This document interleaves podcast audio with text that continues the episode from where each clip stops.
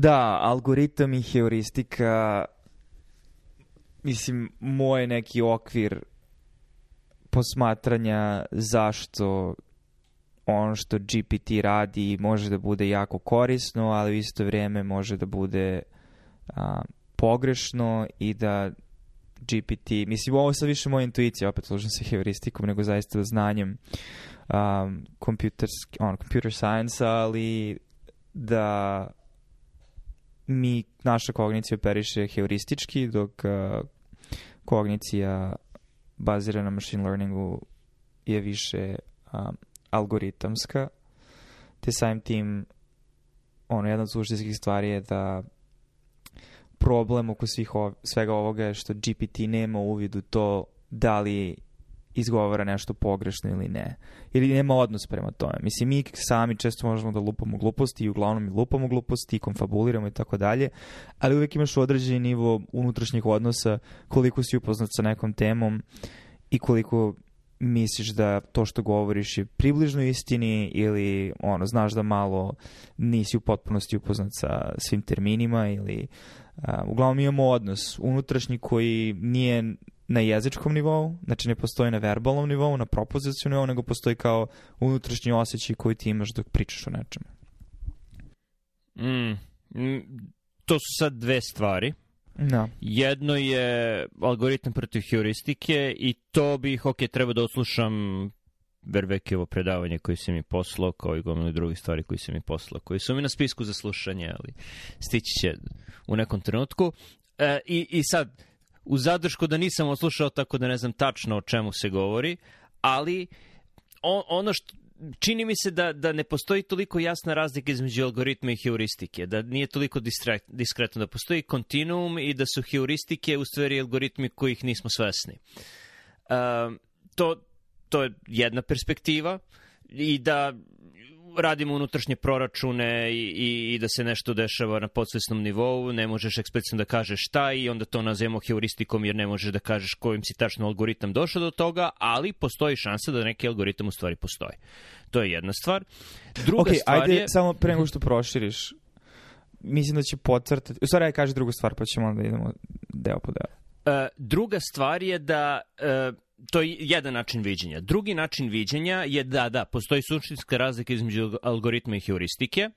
Uh, algoritam ima um, je diskretan. Algoritam je ili će se desiti A, ili će se desiti B, ili će se desiti C i postoji ograničen broj mogućnosti koje algoritam može da predvidi. Ako nešto ne upadne, ako input, ako ulaz ne, se ne podudara tačno sa onim što si ti predvideo, tada nastaju problemi i tada nastaju nazovimo ih halucinacije. Kako god hoćeš da nazoveš, ali, ali nešto nepredviđeno se desi. Algoritam pretpostavlja uh, predvidivost, da, da, da znaš sve, sve moguće stvari koje mogu da se, da se dese.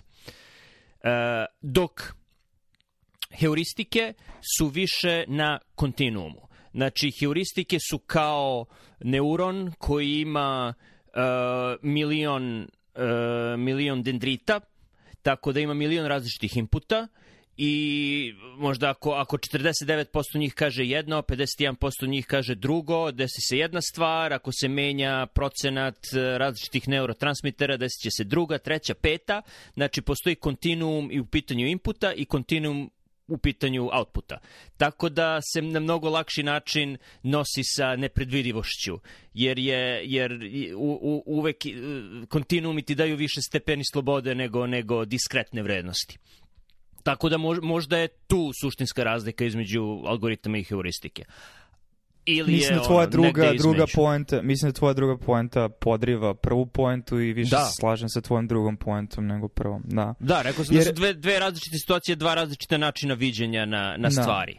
Da. Ajde onda prvo da probamo da definišemo okvirno, da se slažemo oko definicije pre nego što nastavimo. Um, ali znači na osnovu ovoga, da, znači algoritam je determinist, znači ako bi pravio listu karakteristika i kako se ravno, compare and contrast, znači kako se razlikuju, algoritam je deterministički i um, a heuristika je nedeterministička, u smislu kao što si rekao. Znači, algoritam će uvek dovesti do rešenja um, kroz određen ograničen broj koraka. Znači, to je po definiciji algoritam. Algoritam ima jasno definisan broj koraka, zavisnosti od toga kakav je taj algoritam, ali uvijek znači, postoji niz koraka kojim na osnovu inputa ti ideš niz znači, drvo po znaciju navoda ili granjanje algoritma dok ne dođeš do nekog konačnog rešenja, dok heuristika ne egzistira na taj način. Tako da, a, i onda algoritmi su a, precizni i daju jasno definisane odgovore i a, mogu se matematički dokazati. Heuristike se ne mogu matematički dokazati zato što su intuitivne, zato što su... Mislim, i to je sad problem, znači, zašto mislim da tvoja druga poenta podreba prvo poentu je zato što greška, mislim, koju mi svi pravimo, a koja je opet rezultat kartezijanskog načina razmišljanja i, i ono, uh, prosvetljenje, da posmatramo, mogu samo da, da, da posmatramo kažem, ne, sebe deterministički. Okay. To nisu bile dve poente, to su bila dva različita viđenja na da, stvari, da, da. tako da je poenta da se razlikuju. Ok, jasno. Ne vidim jasno. zašto ne, ne, ne, ne, pokušavam, ne, ne, ne pokušavam da umanjim to što hoću kažem, samo hoću kažem sa kojim načinom viđenja se više slažem. Eto, ako mogu tako da preformulišem. Um, jer mislim da ne možemo nas da posmatramo deterministički, jer to bi značilo kada bi čoveka stavio u identičnu situaciju, da će on uvek reagovati na identičan način ako bi heuristika bila nešto što je egzistira na kontinuumu između algoritma i heuristika, ali isto problem svega toga što ne možeš da napraviš takvu situaciju, zato što ne postoji takva stroga kontrola stvarnosti u kojoj ti možeš da kontrolišeš sve fizičke uslove stvarnosti da bi razumeš, znači, to, čak i, mislim, mi se trudimo da, aj, možda ja način da kažem, da učinimo stvarnost što više determinističkom time što recimo radimo kontrolisane eksperimente na životinskim modelima gde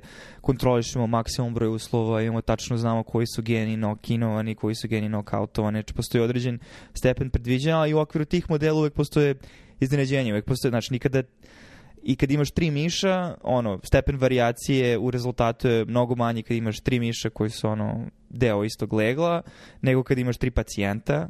Um, ali što više smo u stvarnosti, to su stvari ono više nejasne i nejasno definisane i teško ih je kontrolisati. Tako da argument je da je naša kognicija i način na koji mi razmišljamo heuristička i, za, i mislim jedan još aspekt, znači ono poređenje i kontraste, što su algoritmi dobri Znači, ovo ne umanju bitnost algoritma, mislim, oni nam pomažu u mnogim stvarima ali algoritmi su dobri za probleme koji su jasno definisani, koji imaju određen znači, nivo inputa koji će uvek znaš u kom će opsegu egzistirati da bi te doveo do tačnog rešenja. Dok su heuristike bolje za rešavanje problema koji su nejasno definisani i mislim mi smo evoluirali sa njima, tako da na neki način to dokazuje.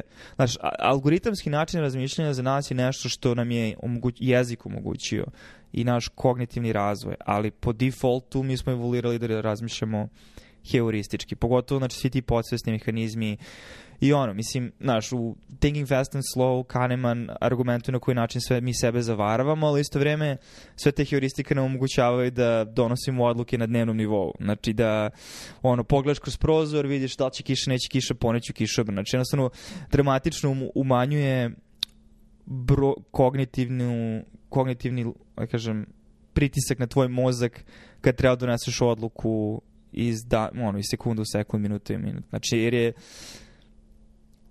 beskonačno mnogo vremena i, i resursa energije bi trebalo kad bi preispitivao na svakom mogućem nivou koji je optimalan način interakcije sa tvojom okolinom ali u tome ti pomažu sve ove heuristike koje, na koje su nastagane i ti na neki način ne razmišljaš o tome, znači jer jednostavno samo imaš osjećaj, ok, znači delo je hladno, vidio sam temperaturu, ok, obući ću ovo, izaći ću iz kuće, znači auto izleti, ja ti si samo zaustavio, što je auto izleteo, znači nisi ni promislio u tom trenutku.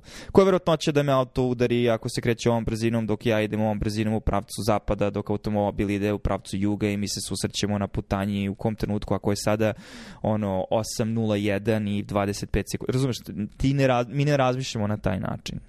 Ali kompjuteri razmišljaju na taj način. Zato što su oni uh, programirani. Mislim, ta, to, to je struktura Mislim, prvo hardverska, ali onda i softverska, znači jezik. Mm. Znači, dozvoljavaš da, da kompjuteri razmišljaju? Pa, da, okej. Okay. Mislim, ako ćemo na, nazvati ovo kada vidiš produkt GPT-a, gde onda mi čitamo nešto i kao, aha, ja, da, ovo je korisno. Isprocesirao mi je ceo tekst u jedan pasus i ovo ima smisla. Mislim, u tom, u tom smislu da. Mislim, ali da, mislim, čitava, čitav... Uh, I sad se ja malo rasplinjujem, ali želim da ono proširim opseg stvari ono, u smislu da, znači da definišemo razliku između algoritme i heuristike i onda znači da vidimo na koje načine mi možemo sami sebe da zavaramo da produkti onoga što veliki jezički modeli poput GPT i drugih koji sada izlaze mogu da nas zavaraju i onda mislim to je ono znači imamo potencijal za veliki upside sa svom ovom tehnologijom ali potencijal u isto vreme postoji u drugom smeru, znači eksternaliteti negativni a, na kojim, kojih moramo da budemo svesni. Um. Uh, ok, prvo za algoritam i heuristiku, ne prvo, poslednje što bih tu rekao, uh, verovatno postoji, kao i u svemu životu, skup stvari, skup delovanja ljudskog gde heuristika je sasvim sigurno bolja od algoritma. Tipa ako u sportu Uh, ne znam, neki igrač hoće da dobaci loptu, neće sada razmišljati, ok, ovo je brzina vetra pod ovim uglom, nego ćeš je baciti, to je čista heuristika.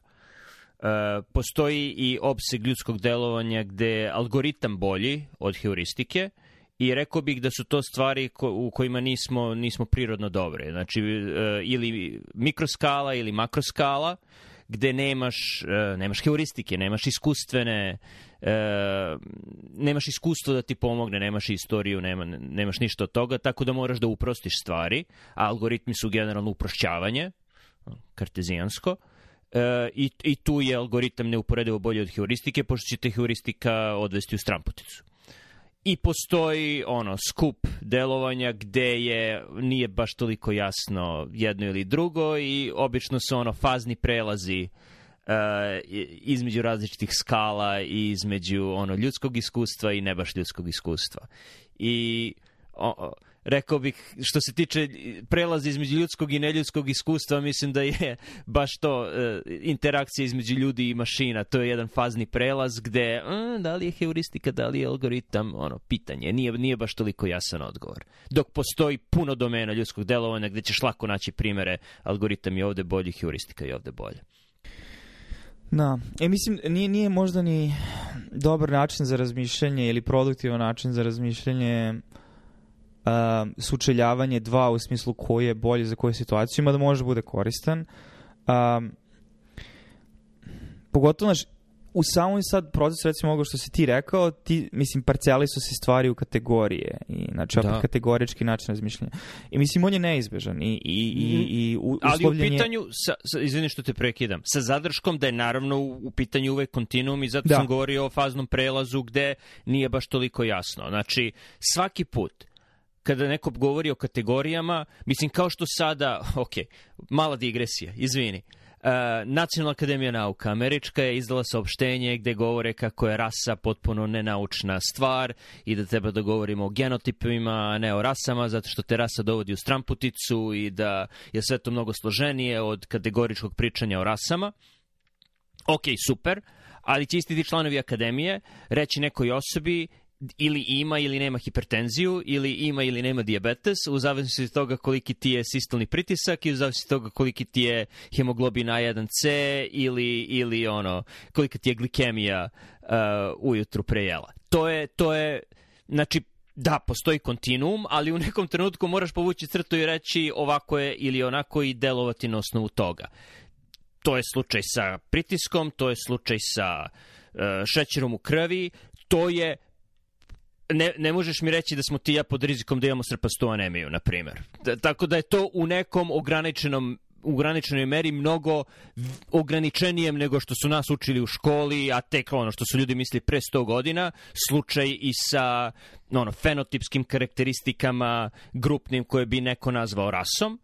To je slučaj sa gomilom stvari. Tako da je kategorički način razmišljanja način da se ljudi nose sa kompleksnošću završavam digresiju, nastavi. Ne, ne, super si ilustrovao to, pogotovo što me to sada onda, mislim, opet poente, recimo, greška koju ja uviđem ili problem koju uviđem onda u razmišljanju genotipovima je što onda samo biraš drugačiji nivo za kategorizaciju, a ne rešavaš suštinski problem, jer i dalje postoji kontinuum, kao što si rekao.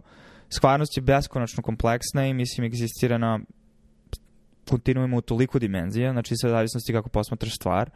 Um, I to je problem što su mi posmatrači te stvarnosti. Znači, nismo nezavisni, objektivni, spoljašnji posmatrači, nego smo zavisni i, i, i direktno vezani za sve te stvari, te stvari determinišu naše aktivnosti. Ali da ne ulazim ja sad od igre, sad hoću kažem nivo onda analize, ok, genotipovi, ali to mi onda totalno ide u ono već sada nove rasističke podele koje su ono, pa sam po, počeo skoro ponovno da igram Disco Elysium, znači ono, haplotipovi Da. i, Da. i, i, i to što vidiš, vidiš sad i po forumima. Haplotip A4, mi smo potomci Džingis Kana, šta god, a vi ste haplotip, ne znam, G6, lupam sad, znači ne znam uopšte ono.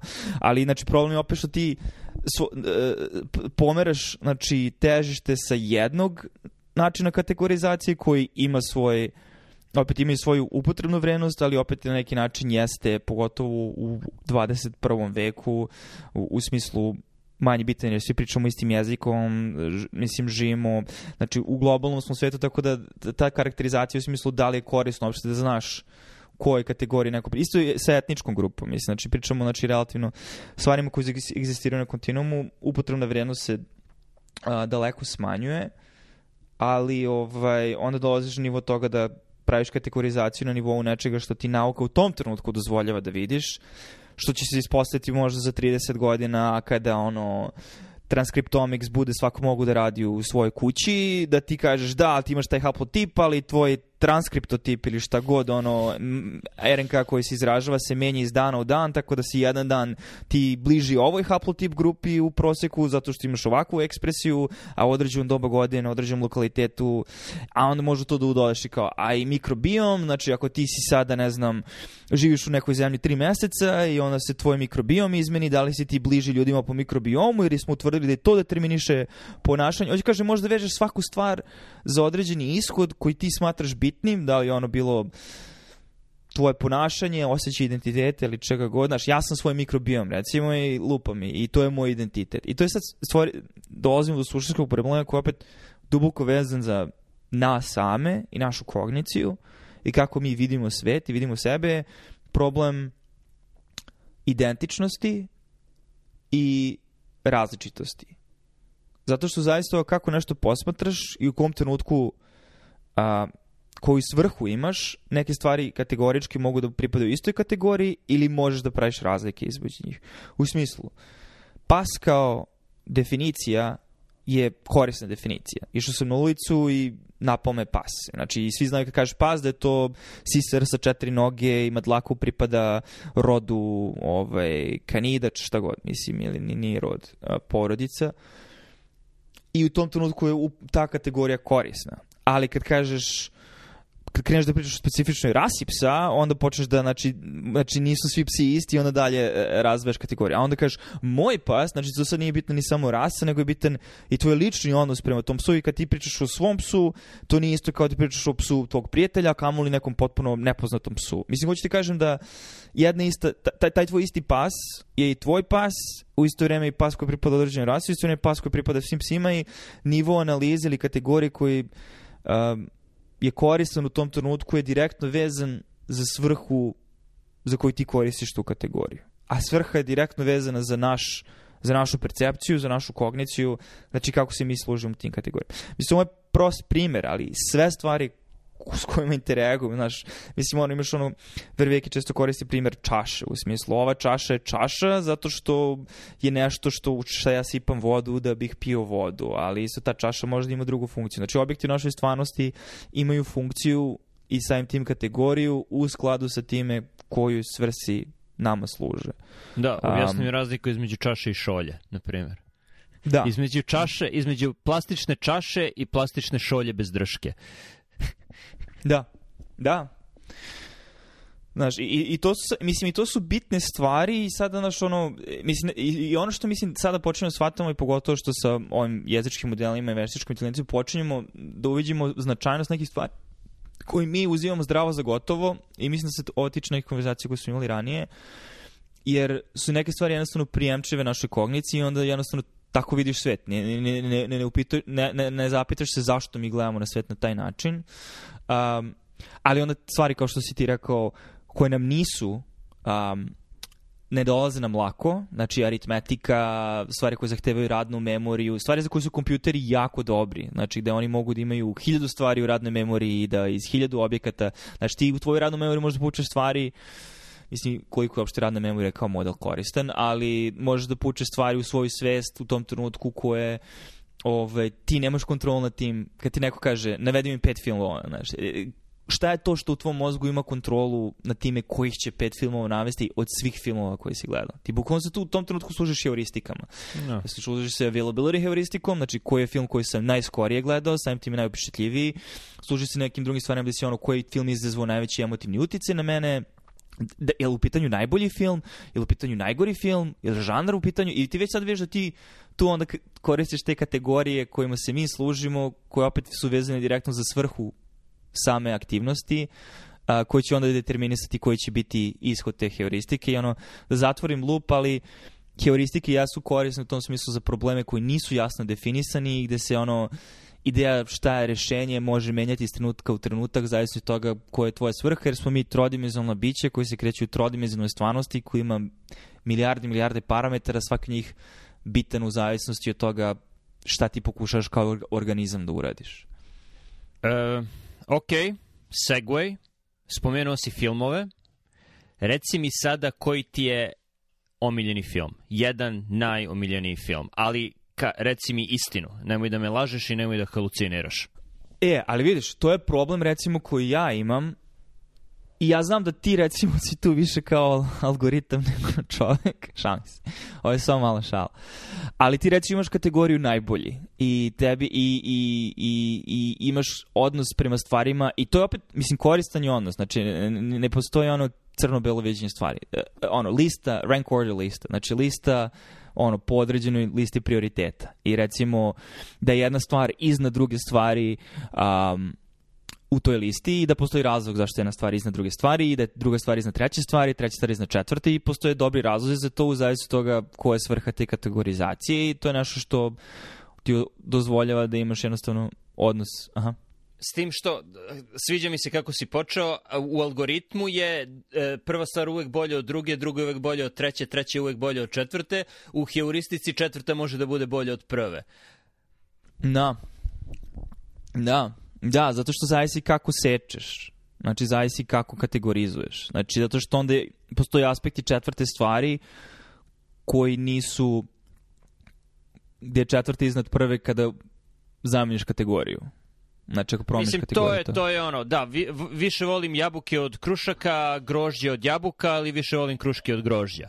To je generalno ljudi, kad, kada, kada te neko pita da li više voliš jedno ili drugo i kada dovoljno puta postaviš to pitanje osobi i stalno testiraš parove, vidjet ćeš da parovi nemaju baš puno smisla.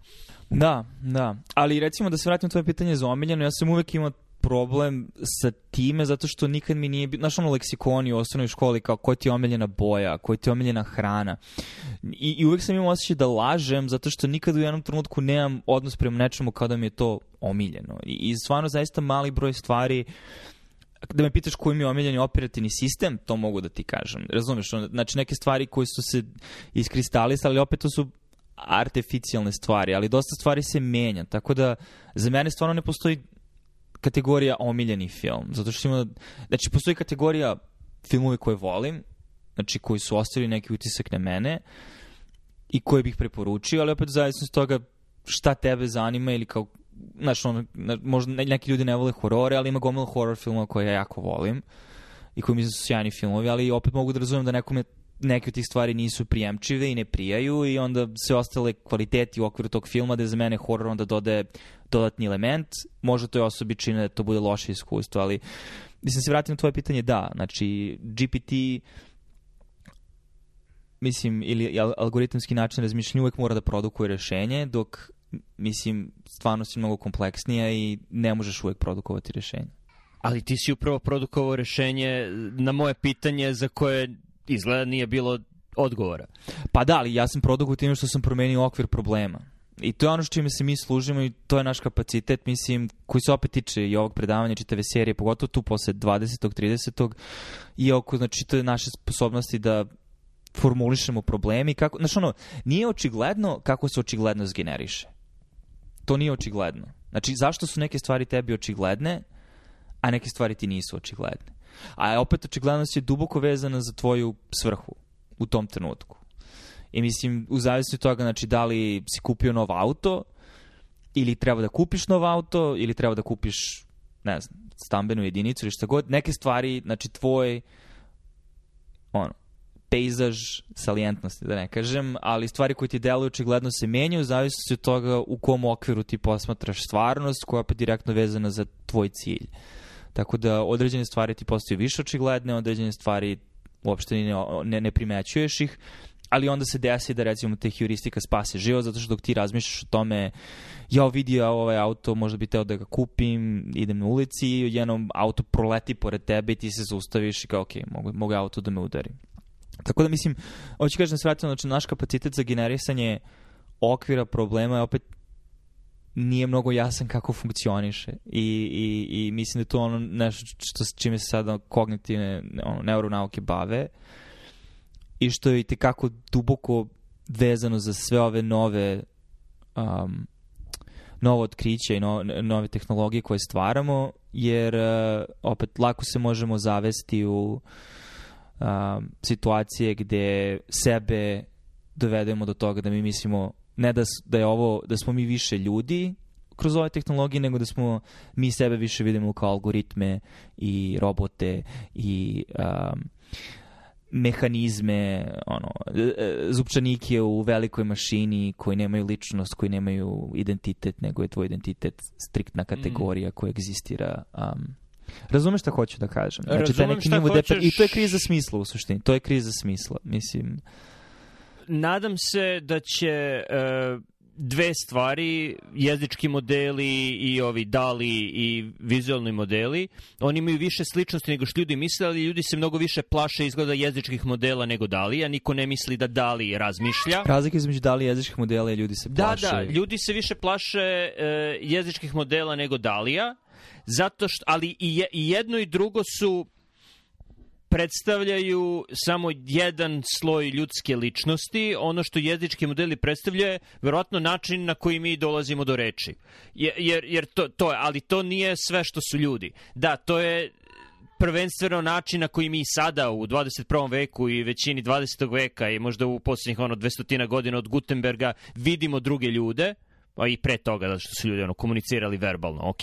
Znači, tako, tako vidimo druge ljude, ali to nije ono što čini nas. Znači, nije tvoja sposobnost da kreiraš govor, uh, inače bi ljudi sa, sa afazijom, šta oni više nisu ličnosti, više nisu ljudi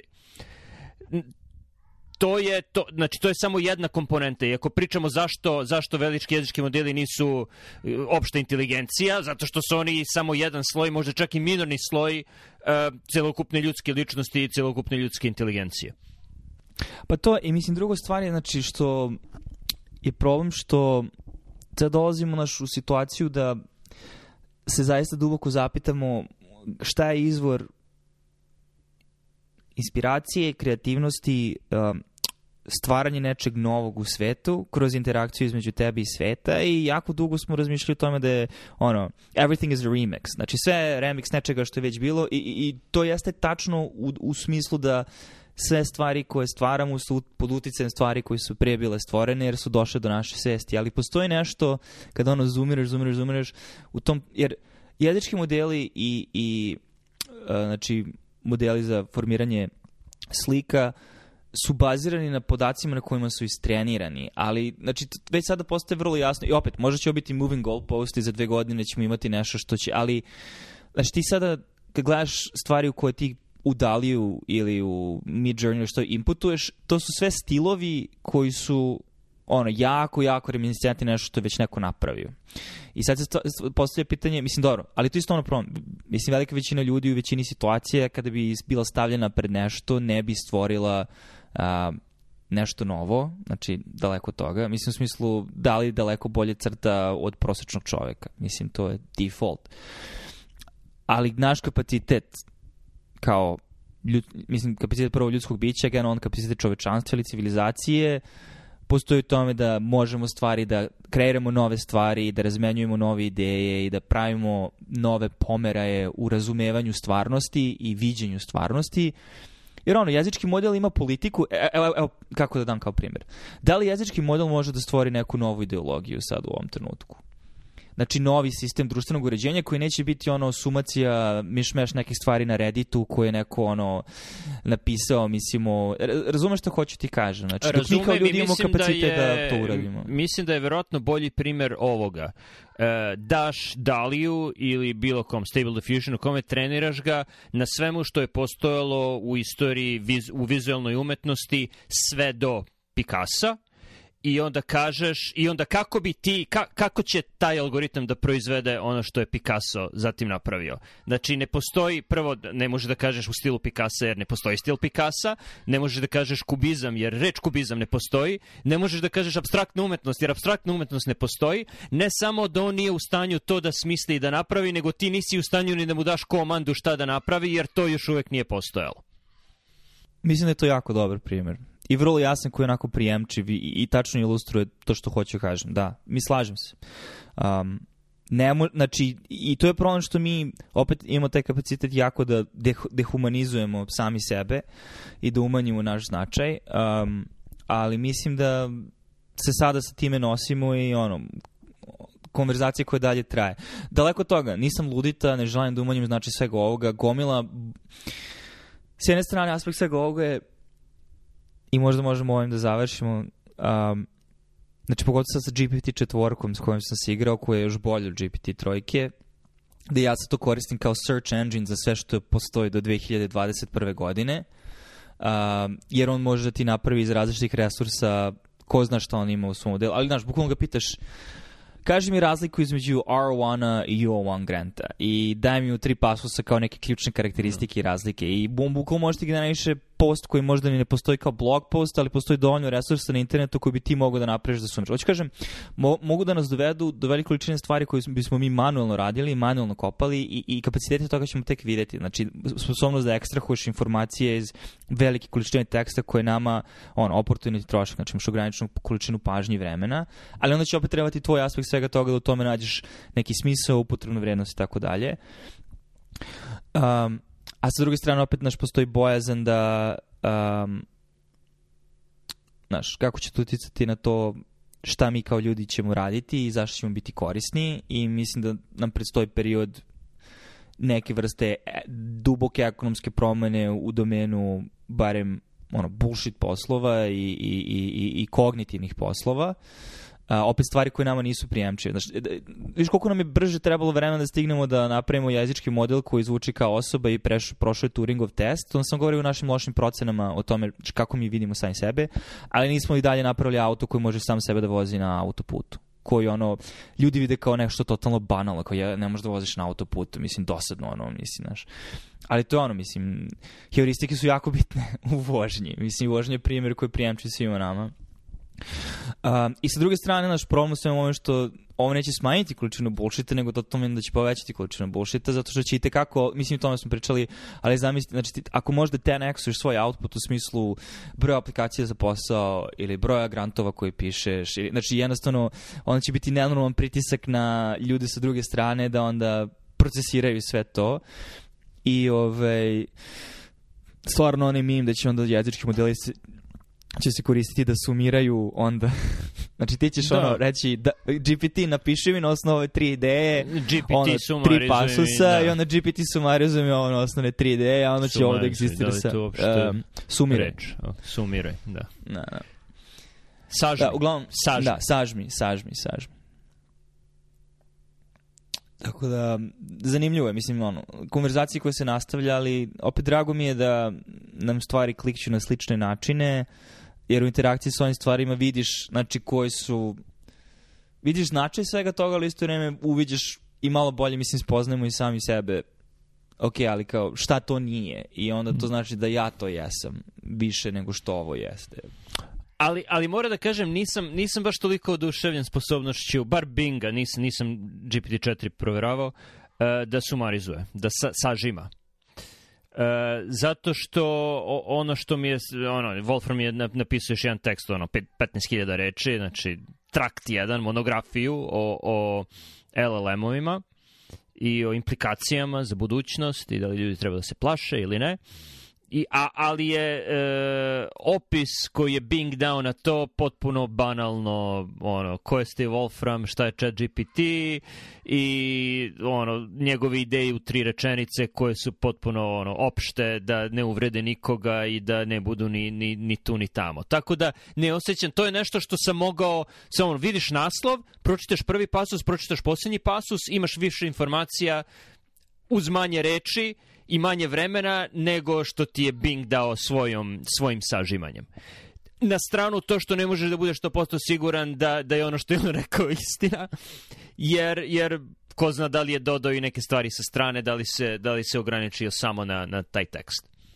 Na, mislim, u tome postoje više aspekata i slažem se. Jedan je prvo ne znamo koje su barijere koje OpenAI i Microsoft stavlja na to šta ovi modeli rade i znamo, već znamo da ima politički bias, znamo da postoje određeni tabuza, tabuizacije ili kako god, znači postoje određene crvene zone u koje on i tekako ne ulazi, iako ako razmišljaš kad bi pričao sa osobom, i tekako bi osoba u, mogla da uđe u određene teme u koje on ulazi, tako da postoji taj aspekt, tako da nismo sigurni u tom smislu, ali mislim da na, na nekom nivou i opet se vraćamo na ono, ako je Steve Wolfram napravio neke nove argumente koji se direktno tiču stvari, koji su rezultat toga da GPT postoji sada u svetu među ljudima, GPT ne može da razume šta to znači, jer je to opet, kao što si rekao, kubizam ili, znači to ne postoji u trening modelu do septembra 2021. godine. Um, Tako da, ali ono, nove, i to je ono sad boje, nove iteracije jezičkih modela, mislim ti treniraš u isto vreme, dok sumiraš sve te tekste u Bingu, ti treniraš GPT da interaguje s internetom i to je sad ono opet jedna ono Pandorina kutija i GPT četvorka, hoću pročitam taj rad koji su izbacili, znaš, ima ono sposobnost da ubaciš um, hemijsku formulu kroz ono koji koristi zagrade, mm -hmm. znakove jednakosti i tako dalje. Oni su dali primjer Altovakvona, i onda ti onda molekul koji ima sličnu a, strukturu, ali alternativni molekul, tako da ono, mislim, postoji kapacitet da se ovo koristi za drug discovery i mislim ono, LLM, ne LLM-ovi sami po sebi, ali machine learning se koristi za drug discovery već ono, 3 do 5 godina na različitim nivoima. Ali ovakva tehnologija je dostupna ljudima, mislim, ne, ne vidimo ni, ni, tek sad počnemo da uveđemo određene barijere znanja, koje su bile uslovljene nivom ekspertize i sad ćemo da počnemo da razlučujemo koji nivo ekspertize, ekspertiza u smislu vremena provedenog radeći nešto u komplikovanoj, nejasnoj sredini da treba da doneseš odluku u trenutku, a koji nivo ekspertize jednostavno bio dovoljna izloženost količini informacija koju treba da absorbuješ na određeni način da bi, znači algoritamski. Hmm. Te tako recimo ja sam ono ne znam, razmiš, bio, pa pokazao sam ti ono, pitanje za subspecialistički ispit. Znači, ok, ti si ekspert onkolog, ovo je pacijent koji ti se prezentuje, koje je terapija za ovo. Tako da, jako dobro u rešavanju tih stvari i hoću kažem, barijere poput toga šta osoba može sad online da uradi i preciznost toga je daleko veća, ali onda, znaš, osoba koja nema iskustvo svemu tome ne može da zna šta od toga je tačno, a šta od toga je netačno. Naročito što u stvarnom životu nemaš ponuđene odgovore koji sužavaju stepene slobode i ti on bira između A, B, C i D. U stvarnom životu je otvoreno polje i koliko možeš da budeš siguran da je ono što će onda izbaci uopšte u domenu toga, ako nemaš apsolutno nikakvu ekspertizu u polju, ako, ako ne znaš baš ništa o tome. I, I rekao bih verovatno ne, ne puno jer ono ljudi su pokušavali da igraju šah sa ChatGPT-em i to ne funkcioniše jer pravi poteze koji nisu legalni i koristi ove figure koje ne postoje u šahovskoj notaciji. E, isto to možda će raditi u ono, hematonkologiji ako mu ne daš ponuđene odgovore. Da, opet, e, to je ono što mislim suštinska moć u svemu ovome i, i, i, i potencijal je u sposobnosti da već postojeće informacije koje su strukturisane na određen način. I ja to nekako odnos koji ja imam prema tome da vidim kao da on to sad sve prerađuje i uviđa koje su te strukture i, i linkovi hirarhijski i ima on Mislim, on se služi verovatnoćima u smislu da, znači on ima isto određen stepen randomizacije kada ono koja će sledeća reč da uđe i ti možeš da namestiš, pogotovo ako stvarno odeš na OpenAI website i uđeš direktno u kod i ti samo možeš da podešava stepen randomizacije, ono, fazine s um, koliko je hot, koliko je cold, Um, tako da može da tekst bude, i to je onda ovde kod nas sada kao korisniku, to je ono, da li želiš da to bude casual, informal, like, um, da li to želiš Bing da... ima, to Bing ima. U Bing uh, postoje tri, tri stvari, chat, compose i insight. U chat možeš da biraš kreativno, uh, srednje i precizno. Uh, to je chat, a na Compose možeš da biraš uh, da li hoćeš profesionalni, casual, entuzijastični, neformalni ili smešni ton i Znam, on ali- bira šta će da, da, da ti kaže. Tako da, Ali to stvari verovatno su- to, to menja parametre I tekako, da. Mislim, znam kad sam se ja igrao ono pre godinu, godinu i po dana na OpenAI, pošto imaš određen kao broj besplatnih tokena ili ne znam, za 5 dolara možeš da imaš ono, kad je još bio ono, onaj Da Vinci model, um, to je GPT trojka, um, vidiš kako se menja sam tekst i naravno, i to je sad onaj moment što više povećavaš kreativnost po znacima navoda i nasumičnost, to stvari počinju više da ulaze u domen halucinacija i stvari koje nemaju smisla i kao onda i jedna rečenica koja prati drugu ne djeluje kao da je uopšte deo. Mislim, možda vidiš zašto je on na neki način iz jedne prešao u drugu, jer kao postoji neka veza, ali ono kad ono, odaljiš i pogledaš, on iđe veze, mislim, tako da... dve stvari. Ne sviđa mi se reč halucinacija, jer nosi implikacije i vodite na Da. stran, stranputicu u razmišljanju o načinu na koje, na koje LLM-ovi rade, ali znam da je ušla reč halucinacija, ok. To A su neko- konfabulacija, i to je možda... Ni konfabulacija, ne, to je, mislim, ne znam kako bih opisao, ali to, ti, ta, te ljudske paralele, antropomorfizacija mi se ne sviđa. To je jedna stvar. Druga stvar, ok je kad je očigledno, ali je problematično je kad nije očigledno, daću ti primer, uh, imam, pravim neki kurs za, za ono, kliničke studije i sa osobom sa kojom za, ono, zajedno pravimo kurs, sastavili smo spisak od 60 tema koje treba da pokrijemo za 15 dana, koliko kurs traje, 15 nedelja. I ono, sad kako, kako tih 60 tema da grupišeš u 30 predavanja. Dva predavanja nedeljno, 15 nedelja. I e, to je, to je super, super stvar. Hajde da vidimo kako će onda i grupiše. I, i rekao sam ono, On. kako će to da ga grupiše. Mislim, rekao si imaš problem sa antropomorfizacijom, zato mislim... Pa da, ali generalno imaju rodove. Ako kažeš on, ona ili to, mislim, Pa sve ne je... kažeš za psa on, a pas je živo. Kažem. Za, za, za mačka kažemo on. O, svog. okej. A i za Sony kažeš on, okej. Da. Da, to je, srpski, on. to je sad srpski jezik isto, gde su rodovi Da. egzistiraju i za Da. žive i za nežive stvari. Da. Da. E, tako da tako da sam stavio to i ono krene dobro, krene dobro, dobro, dobro i onda negde na pola stavlja ono i, i ono bio je zadatak daj mi ime predavanja i temu i teme koje su pokrivene od ovog spiska 60. I onda vidiš da gomilu stvari nije uključio, uključuje neke stvari koje nisu na spisku, izgleda kao da prepisuje nečiji drugi kurs koji ima sličnu temu, tako da je ono problematično. Da. I to je, mislim, ono da je... Mislim, vidio sam na Twitteru, ti si bio, i, mislim, slažem se sa tim i to je ono sad... Um, mislim, neko ovo sve što GPT radi, ako, ali opet to je sad problem antropomorfizacije, zato što samo mi imamo kapacitet za bullshit, mislim da Da. ne, ne, ne znaš da li jezički model ima, ne ali zna, je on ne zna šta je istina, tako da po definiciji ne može ono što proizvede da ima bilo kakav odnos sa A istinom. to je problem, da su GPT istrenirani na tekstovima. GPT nije biće koji egzistira u stvarnosti. Mislim, to je ono, znači, opet čitav aspekt ljudske kognicije koji mi ne uzimamo u obzir kada čitaš jezik, jer ti kad, kad čitaš tekst, ti kad čitaš knjigu, mislim ti zamišljaš nešto.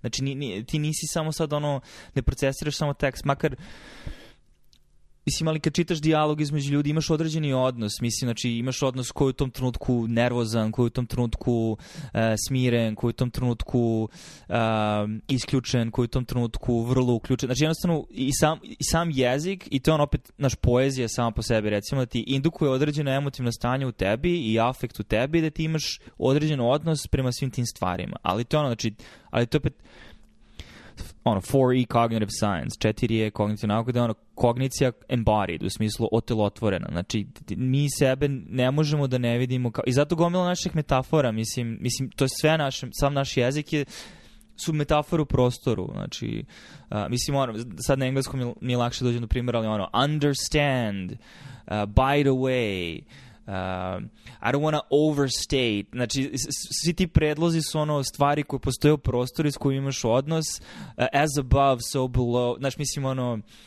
uh, jednostavno služimo se metaforičkim jezikom koje je ono simboličko preuzimanje našeg odnosa prema stvarnosti fizičke koje onda manifestuje. Mislim, Verveke da je jako dobar primjer ono ideja o pravdi.